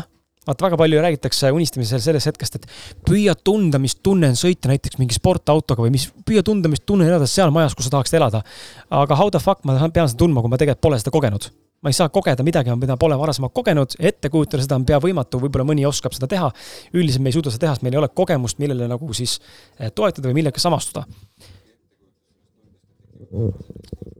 just, aga, aga, aga võimalus, kuidas seda teha näiteks ongi see, et ma kujutan ette, ma tahan kogeda näiteks seda maja või autot või seda mingit kogemust või seda suhet või seda partnerit või seda toitu, mida ma näiteks pole varem kogenud, aga ma panen nüüd selle tunde sinna taha, mis tunne on osta banaani ja vett. ehk siis ta on nii tavaline. ta on minu jaoks täiesti tavaline, ta on justkui nagu keskpärane, mõttetu isegi veits. ma ei pane selle üldse tähtsust külge ja ma lihtsalt liigun selles suunas, usaldan ja no usa-, kuidas tekib usaldus, eks ole, see on teine küsimus. usaldus tekib sealt, äh, kui me aktsepteerime seda, et, et elu on äh, all possibility, kõik on võimalik. Äh, ma arvan, me kõik oleme näinud seda, et see, mis on eile, ei ole täna ja see, mis on täna, ei pruugi enam homme olla. elu muutub pidevalt ja, ja kuidas nagu aru saada seda usaldust, on see, et miks ma ütlesin alguses, mainisin niisugust sõna või terminit nagu äh, kronoloogiline intuitsiooni kuulamine. kõik, mis su elus juhtub, ma ütlesin ka seda, et elu on mingil määral ette määratud, sa võid seda niimoodi võtta, aga sa ei pea seda võtma, aga mind aitab natuke see asi. võtta kõike, mis su elus täna juhtub, ka see, et sa täna siin istud minuga, ka see, et mina täna sinuga istun siin, on vajalik tõenäoliselt mingi asja jaoks millal, ma ei tea, ja võib-olla see vajalikkus tänase sündmuse, me siin koos istume, on väga minimaalne äh, sinu sellel teekonnal, aga ta on ikkagi osa sellest teekonnast. seega võtta igat kogemust, igat situatsiooni, igat suhet, igat asja kui järgmise loomuliku, orgaanilise Äh, loomuliku sammuna sinu elus, kaasa arvatud siis see auto või see maja või see kogemus või see partner, mis sa tahad saada, millele sa justkui püüad siis panna taha sinnasama tunde, ma lähen justkui nagu banaani või, või vett ostma, see on nii tavaline. ja, ja see ei tähenda, et seda ei väärtusta kätte jõuab, aga ära pane selle liigset pinget ja püüa lihtsalt äh, võtta seda asja kui loomulikku kulgevat äh, paratamatut teekonda sinu elu osast, usaldades seda, et see nii peab olema. See on see, mida ma olen avastanud täna ja see, mida ma nüüd siin vaikselt ka katsetan, viljelen, üritan vähemalt. ja siiamaani tundub, et äh, nende viimase kuu-pooleteisega tundub, et väga töötab, ma ei ole oma elus, ma ei ole oma elus mitte kunagi vist nii vähe tööd teinud erinevate projektide kallal, kui ma täna teen. Ja, ja ja ma pean tunnistama, et need, need tulemused, mis on tulnud, on sadades kordades suuremad kui on olnud need projektid eelnevates perioodides, kus ma olen panustanud tohutult palju energiat ja arvanud, et ma pean hullult tegema selleks, et saada. täna mulle maailm peegeldab vastu seda, et ma teen üsnagi vähe, aga sammud on kuidagi nii suurte hüpetega ja kõik nagu niimoodi liigub ja elu kogu aeg toetab, et ma lõuan, jõuan e-, eesmärgini sellisel viisil, nagu ma tunneksin, poleks mitte midagi teinud. Ja see on kõige parem tunne, minu jaoks vähemalt, et ma teen midagi justkui tundes ja ma pole mitte midagi teinud aga tegelikult on väga palju asju ära tehtud. ja see näitab mulle, et ma olen voolamises ja elu töötab ja ma usaldan ja kõik asjad jooksevad. Äh, vot, sellised mõtted teile siia, ma ei tea, loodan, et oli mingeid häid mõtteid äh, või pani mõtlema, saite kaasa mõelda lihtsalt midagi värskust, niisugune tunnike teile. ja ma tänan teid, et te viitsisite mind kuulata ja, ja siin äh, kaasa vestelda, kaasa mõelda. ja kui on küsimusi, siis ma ei tea, võime arutada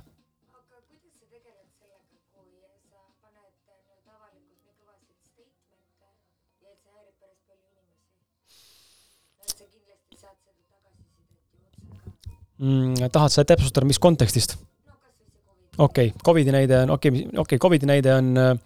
jaa, Covidi näide on natukene võib-olla keerulisem, jällegi me ühiskonnana ise oleme selle asja nii suureks puhunud, on ju, mina usun, et kui me sellele asjale tähelepanu täna ei pööraks, sellele pandeemiale või, või, või sellele situatsioonile, siis see maailm töötab minu meelest selliselt, et kui me mingile asjale tähelepanu ei pööra, siis seda eksisteerida ei saa vähemalt mitte sellises mahus. Äh, kuna me oleme üle uputatud sellest infost ja, ja see tuleb äh, sõna otseses mõttes isegi potist üles juba äh, ja kraanist, kraanikasust välja, on ju, siis ilmselgelt seda on liiga palju ja ilmselgelt meie kõigi tähelepanu sellele ja järelikult sellel on ka suur potentsiaal ja suur tähtsus juba juures. selle tulemusena sellega kaasneb ka loomulikult väga palju vastakuid tundeid. kuidas tulla toime sellega, kui sind, sinu arvamusega ei, ei nõustuta või sind hukka mõistetakse selle väljaütlemise pärast? ükskõiksus kain, kaine ja tuim äh, kalk, äh, isegi natukene heas mõttes üleolev ükskõiksus mm.. jah, no võime siin, võime sellega nõustuda, eks ole. ei, mitte, ei, mitte seda, aga selles mõttes, et äh, kui vaatame nagu suurt, suurt pildi, siis just nimelt see ükskõiksus ja jääda nagu, saada, jälle, tuleme selle, saada aru sellest, et kõigil on õigus. kui näiteks sina või ma ei tea, keegi teine ütleb, et tere et, et see on reaalne asi täna ja mõni teine ütleb, et see ei ole reaalne asi, siis mõlemal on õigus, sest me elame küll samas maailmaruumis, aga meie kogemused on sellest, sellest samast äh, kogemusest või kogemisest niivõrd erinevad. näiteks mina isiklikult ei tunne äh,, mul on isegi miinus sada on minu sees see tunne või oht, et ma nakatun või minus on, võib tekkida, ma isegi, võib-olla ma olen ära põdenud selle, ma ei tea, onju, ma pole, pole testimas käinud ma ei loe selle kohta, ma ei uuri seda asja, ma elan täiesti oma elu, kui ma ei saa sinna poodi minna, ma lähen mujale, kui ma ei saa poodi, siis ma, ma ei tea, mõtlen midagi muud välja, onju, ma ei lähe enam eh, võitlema selles mõttes, ma üritan selle asja ümber oma elu lihtsalt niimoodi elada nii hästi, kui ma suudan, ilma ma sellega üldse kuidagi sekkuks või sellesse panustaksin. Ehk siis see on väga, see vajab natukene selles mõttes äh, jah, sellist ükskõiksust, külmsust ja, ja kindlasti mitte, äh, kindlasti mitte sellesse väga tungivalt sisseminekut, aga loomulikult see on häiriv. Äh, ka mind alguses häiris see, kui ma sain tagasisidet mingite väljaütlemiste kohta, aga see on paratamatu, sest et kui sa juba hakkad välja ütlema, siis pead ka vastutama. sa pead vastutama selle eest, et kõik ei ole sinuga nõus, sa pead vastutama selle eest, et mis on tagajärjed. ja minu tagajärg täna on see, ma, mul on päris palju sõprussuhteid purunenud väljaütlemiste pärast ja arvamuste ja seisukohtade pärast ja see on okei okay.. ma olen arvestanud sellega. ehk siis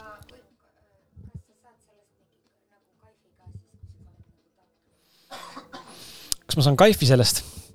Eh, tead sa, see on hea, hea küsimus, seal kindlasti on eh, taustal, ma arvan, et mitte minul, vaid ka teiste inimestel, kes niimoodi võitluses asuvad. siinkohal siis ei ole, ei ole nüüd vahet, kas ma olen, toome nagu Covid näite, eks ole, kas on Covid vastu või Covid poolt. igal juhul sa võitled mingisuguse arvamuse või seisukoha eest, mis on sinu jaoks tõene, mis on sinu jaoks reaalne, mis on sinu uskumus ja see on täiesti okei okay enda, enda arvamusele kindlaks jääda, teada, mis on su väärtused, mida, mida sa usud, millele sa toetud. aga ma arvan, et me saame sealt kindlasti mingisugust äh, dopamiini ja mingit aju, ajukeemia laksu me sealt saame, muidu me ei teeks seda. Äh, teistpidi seal on ka tunnustusvajadus, me otsime saad, otsime sarnaselt mõtlevaid inimesi ja saada tunnustust kasvõi likeide või mingite muude asjade najal, kus neid väga jälgida, eks ole. palju keegi like'is mu kommentaare või palju sai mu postitus share'e, on ju. see on kõik sotsiaalne tunnustus ja jälle tähelepanuvajadus seega ma arvan, me otsime tegelikult väga tugevalt äh, tähelepanuvajadust, aga selle taga olev signatuur tegelikult kõigil, ma arvan, mis on, või tuumpõhjus on, on, ma arvan, tegelikult inimesi aidata ja mõlemapoolselt, on ju, jälle, kõigil on õigus, et äh, on inimesi, kes usuvad, et see näiteks, ma ei tea, peab vaktsineerima, see aitab sind, siis loomulikult ta mingis mahus ka aitab ja ma usun, et ka haju, ma usun, et me oleme psühholoogiliselt nii võimsad olendid, et me oleme võimelised muutma äh, informatsiooni ka mateeriaks ehk siis reaalsuseks, on ju, kui ma usun päriselt, et ma ei tea, ma toon väga absurdse näite, et äh, vesi, vee joomine, ma jään sellest purju kui ma nüüd päriselt suudaks seda niimoodi integreerida ja niimoodi nagu iga rakuga uskuda, et see päriselt teeb seda, ma jooks selle pudeli ära, ma oleks täitsa kastis, on ju see muidugi eeldab nüüd nagu täiesti läbitöötamist, selle info läbitöötamist, on ju, et see te tegelikult ka siin reaalselt nagu manifesteeruks. sest kõik on meil siin, on ju, et muidu, ega muidu ei öelda, et mõistus üle äh, mateeria, on ju ja teine pool on, äh, ma arvan, seal taga on jah see pool, et me tahame tegelikult aidata, me tahame tegelikult inimesi harida, informeerida, oma arvamust avaldada, aga see signatuur, mille pealt me seda asju tavaliselt teeme, äh, on tihtipeale see võitluslik ja tähelepanuvajadusele nagu tuginev. mina isiklikult tunnen seda ja sellepärast ma täna ka teadlikult äh, näiteks Covidi puhul sõna väga ei võta enam, sest ma tunnen, ma ei, sest et seal ei ole mõtet, siin on juba lõhestumine tekkinud ja seda täna siin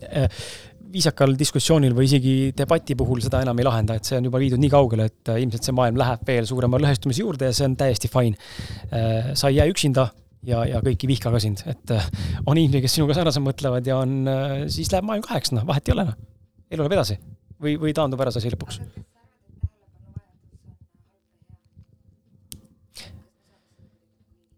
see on hädavajalik, ma arvan, meie kõigi jaoks aga küsimus on, mis mahus ja mis meetoditel. Äh,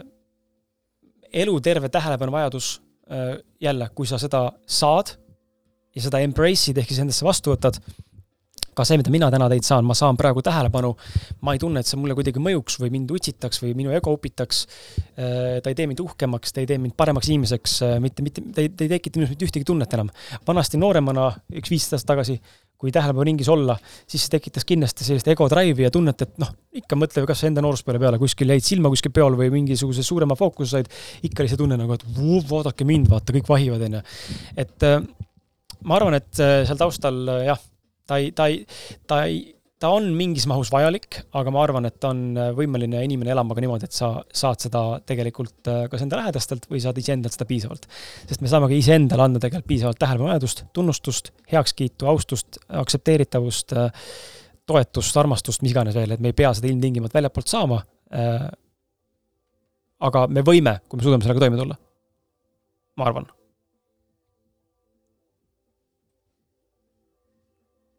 või mis te arvate? Kas tähelepanuvajadus on oluline? kuidas te tunnete? mis annab, annab see teile midagi juurde?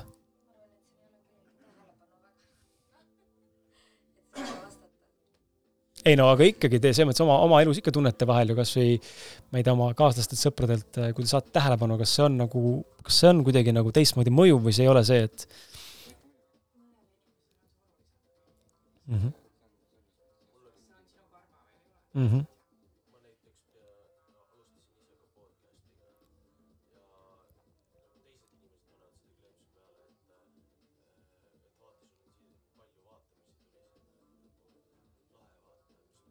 Mm -hmm.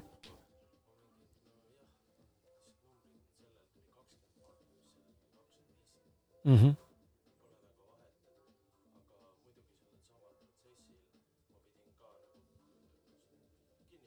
Mm -hmm.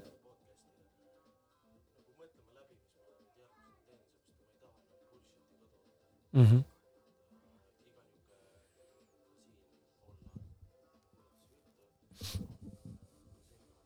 Mm. -hmm. aitäh. jah, ma olen äh, täitsa nõus, et kui me räägime nagu sotsiaalmeedia või nagu sellise content'i numbritest, on ju, sa tõid nagu kuulamiste näited, siis loomulikult need on ka need faktorid, mis paratamatult panevad meid tundma kas paremini, kehvemini, on ju. et äh, miks muidu sotsiaalmeedia on üles ehitatud sellele, kus äh,, sest et jälle meil tekib võrdlus, on ju, meil tekib automaatselt võrdlus, et ähm, noh, Instagram on lihtsalt hea näide, et mina ise niimoodi nagu ei jälgi, eks ole, olen sellest täna ennast ära lõiganud äh,. vähemalt sellises mahus, et mul on nagu ükskõik, on ju, aga aga ma näen, ma näen, kuidas see tohutult käivitab inimesi ja kuidas see mind tohutult käivitas mingi aeg, kui ma ei tea, ma sain seal mis iganes X arv likee, eks ole, on ju, vähem või rohkem kui eelmisest pildist või vähem või rohkem sellest inimesest, siis paratamatult tekib see võrdlusmoment, et holy shit, ta on must parem, on ju. ja me ise tegelikult jälle paneme selle tähtsuse ja selle tähenduse asjale juurde, et kui kellelgi on midagi rohkem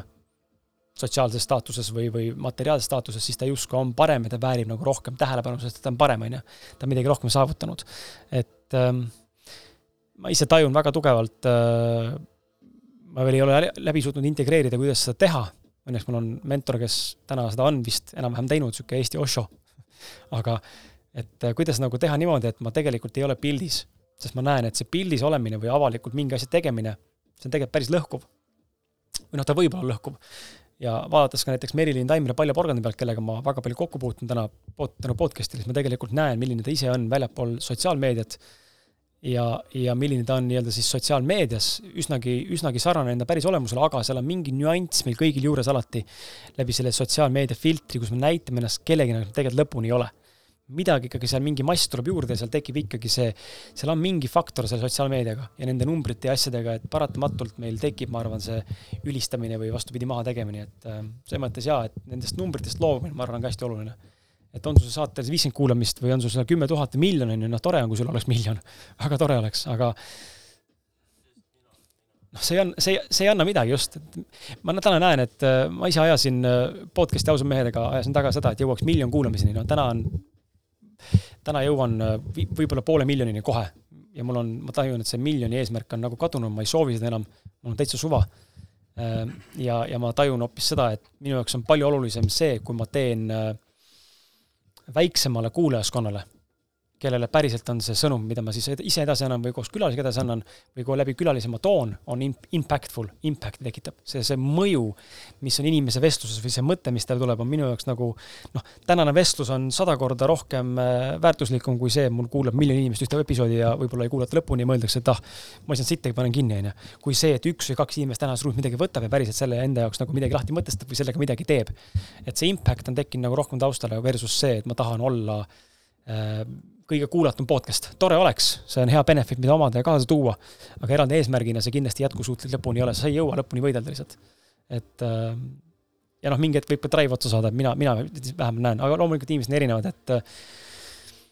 inimesed on erinevad, ma lihtsalt näen äh, teatud sõpru ka enda ümber, kes on noh, Timo Porval näiteks, ma ei tea, paljudest ükski inimest teavad, aga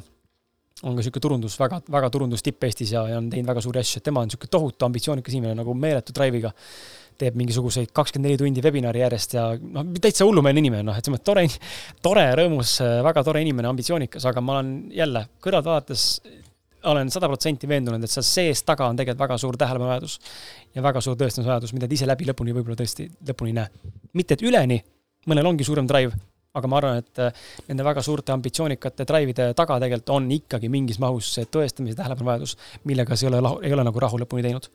iseendaga sa ei ole lõpuni rahu teinud sa tahad kogu aeg enamat, miks? sest ta ei ole täna järelikult rahul ju, kui ma tahan enamat, siis järelikult ma pole rahul. sa ei tahaks muidu enamat.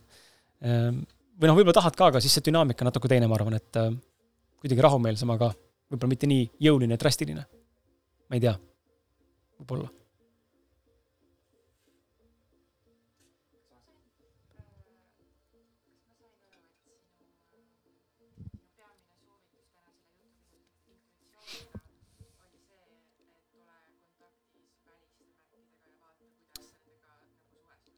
ole kontaktis endaga. aga, aga jah, aga seejärel sa õpi märkama väliseid märke, sest et väline maailm on sinu sisemise peegeldus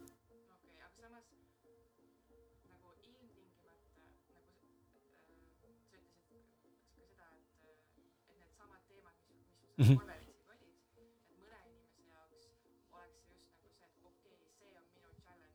just, just, ma teen ära, just, just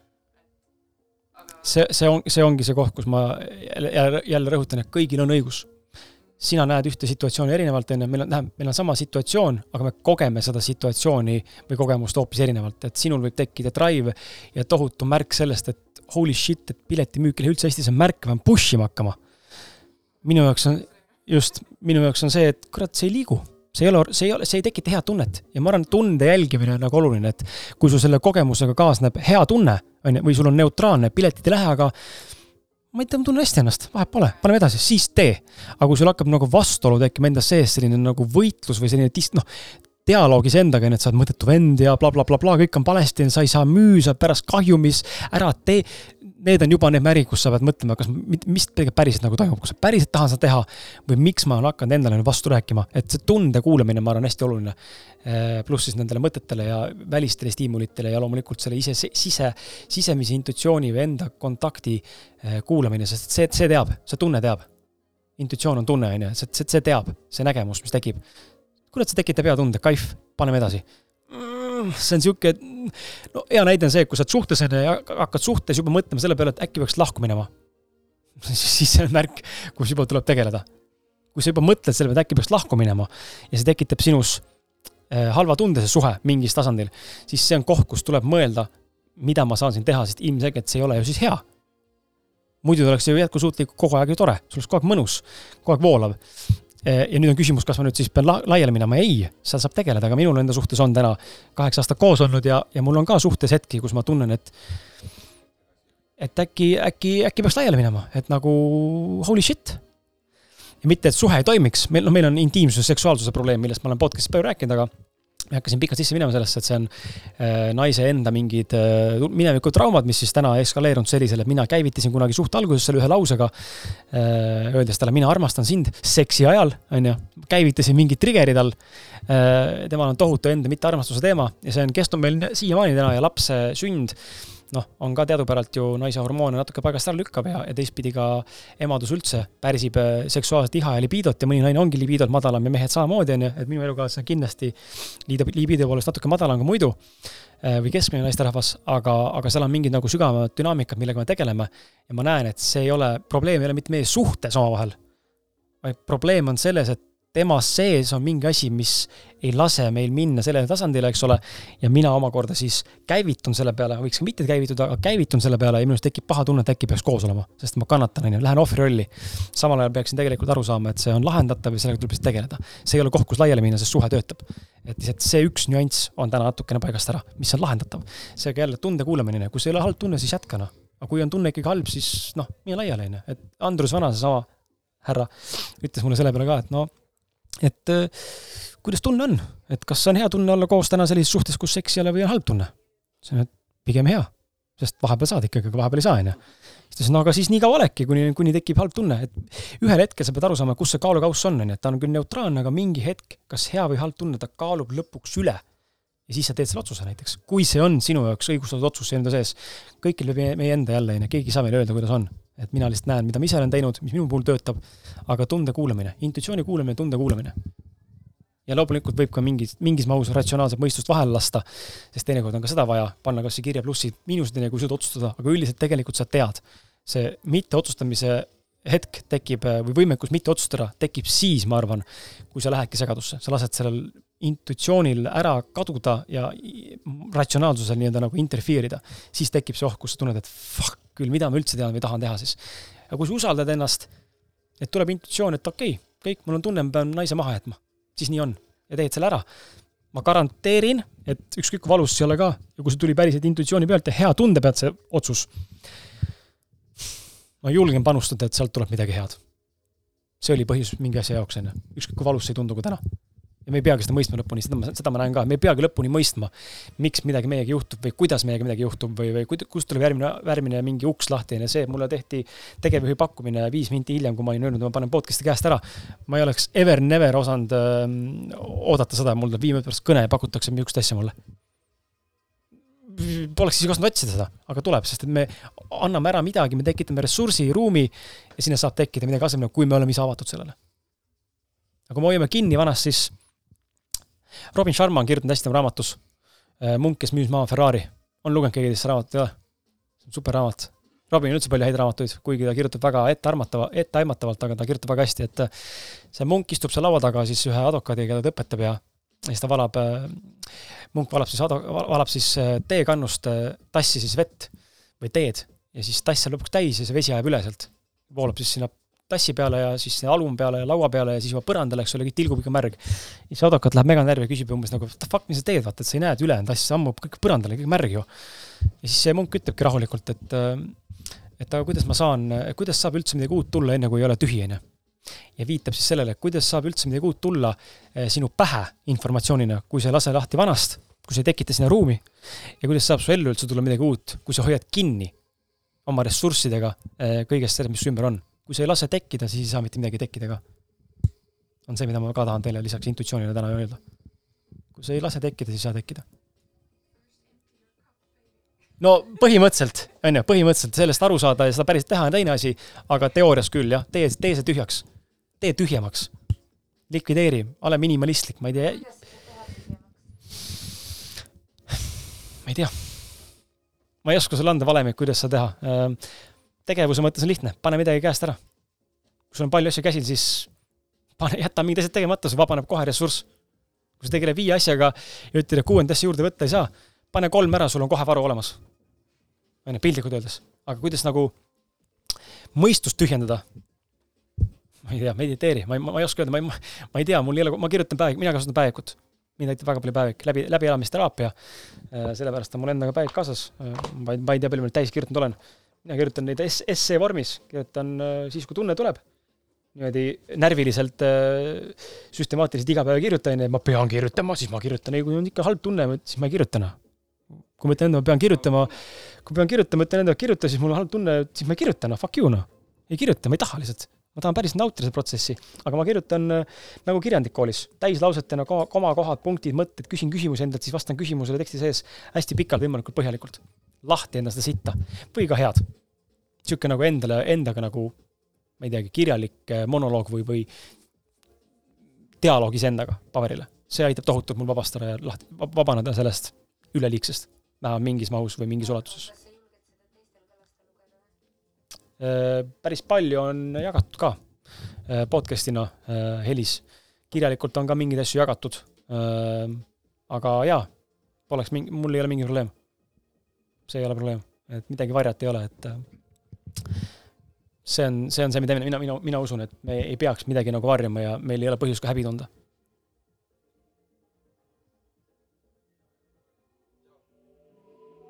vot, kõik. aitäh teile, vahva oli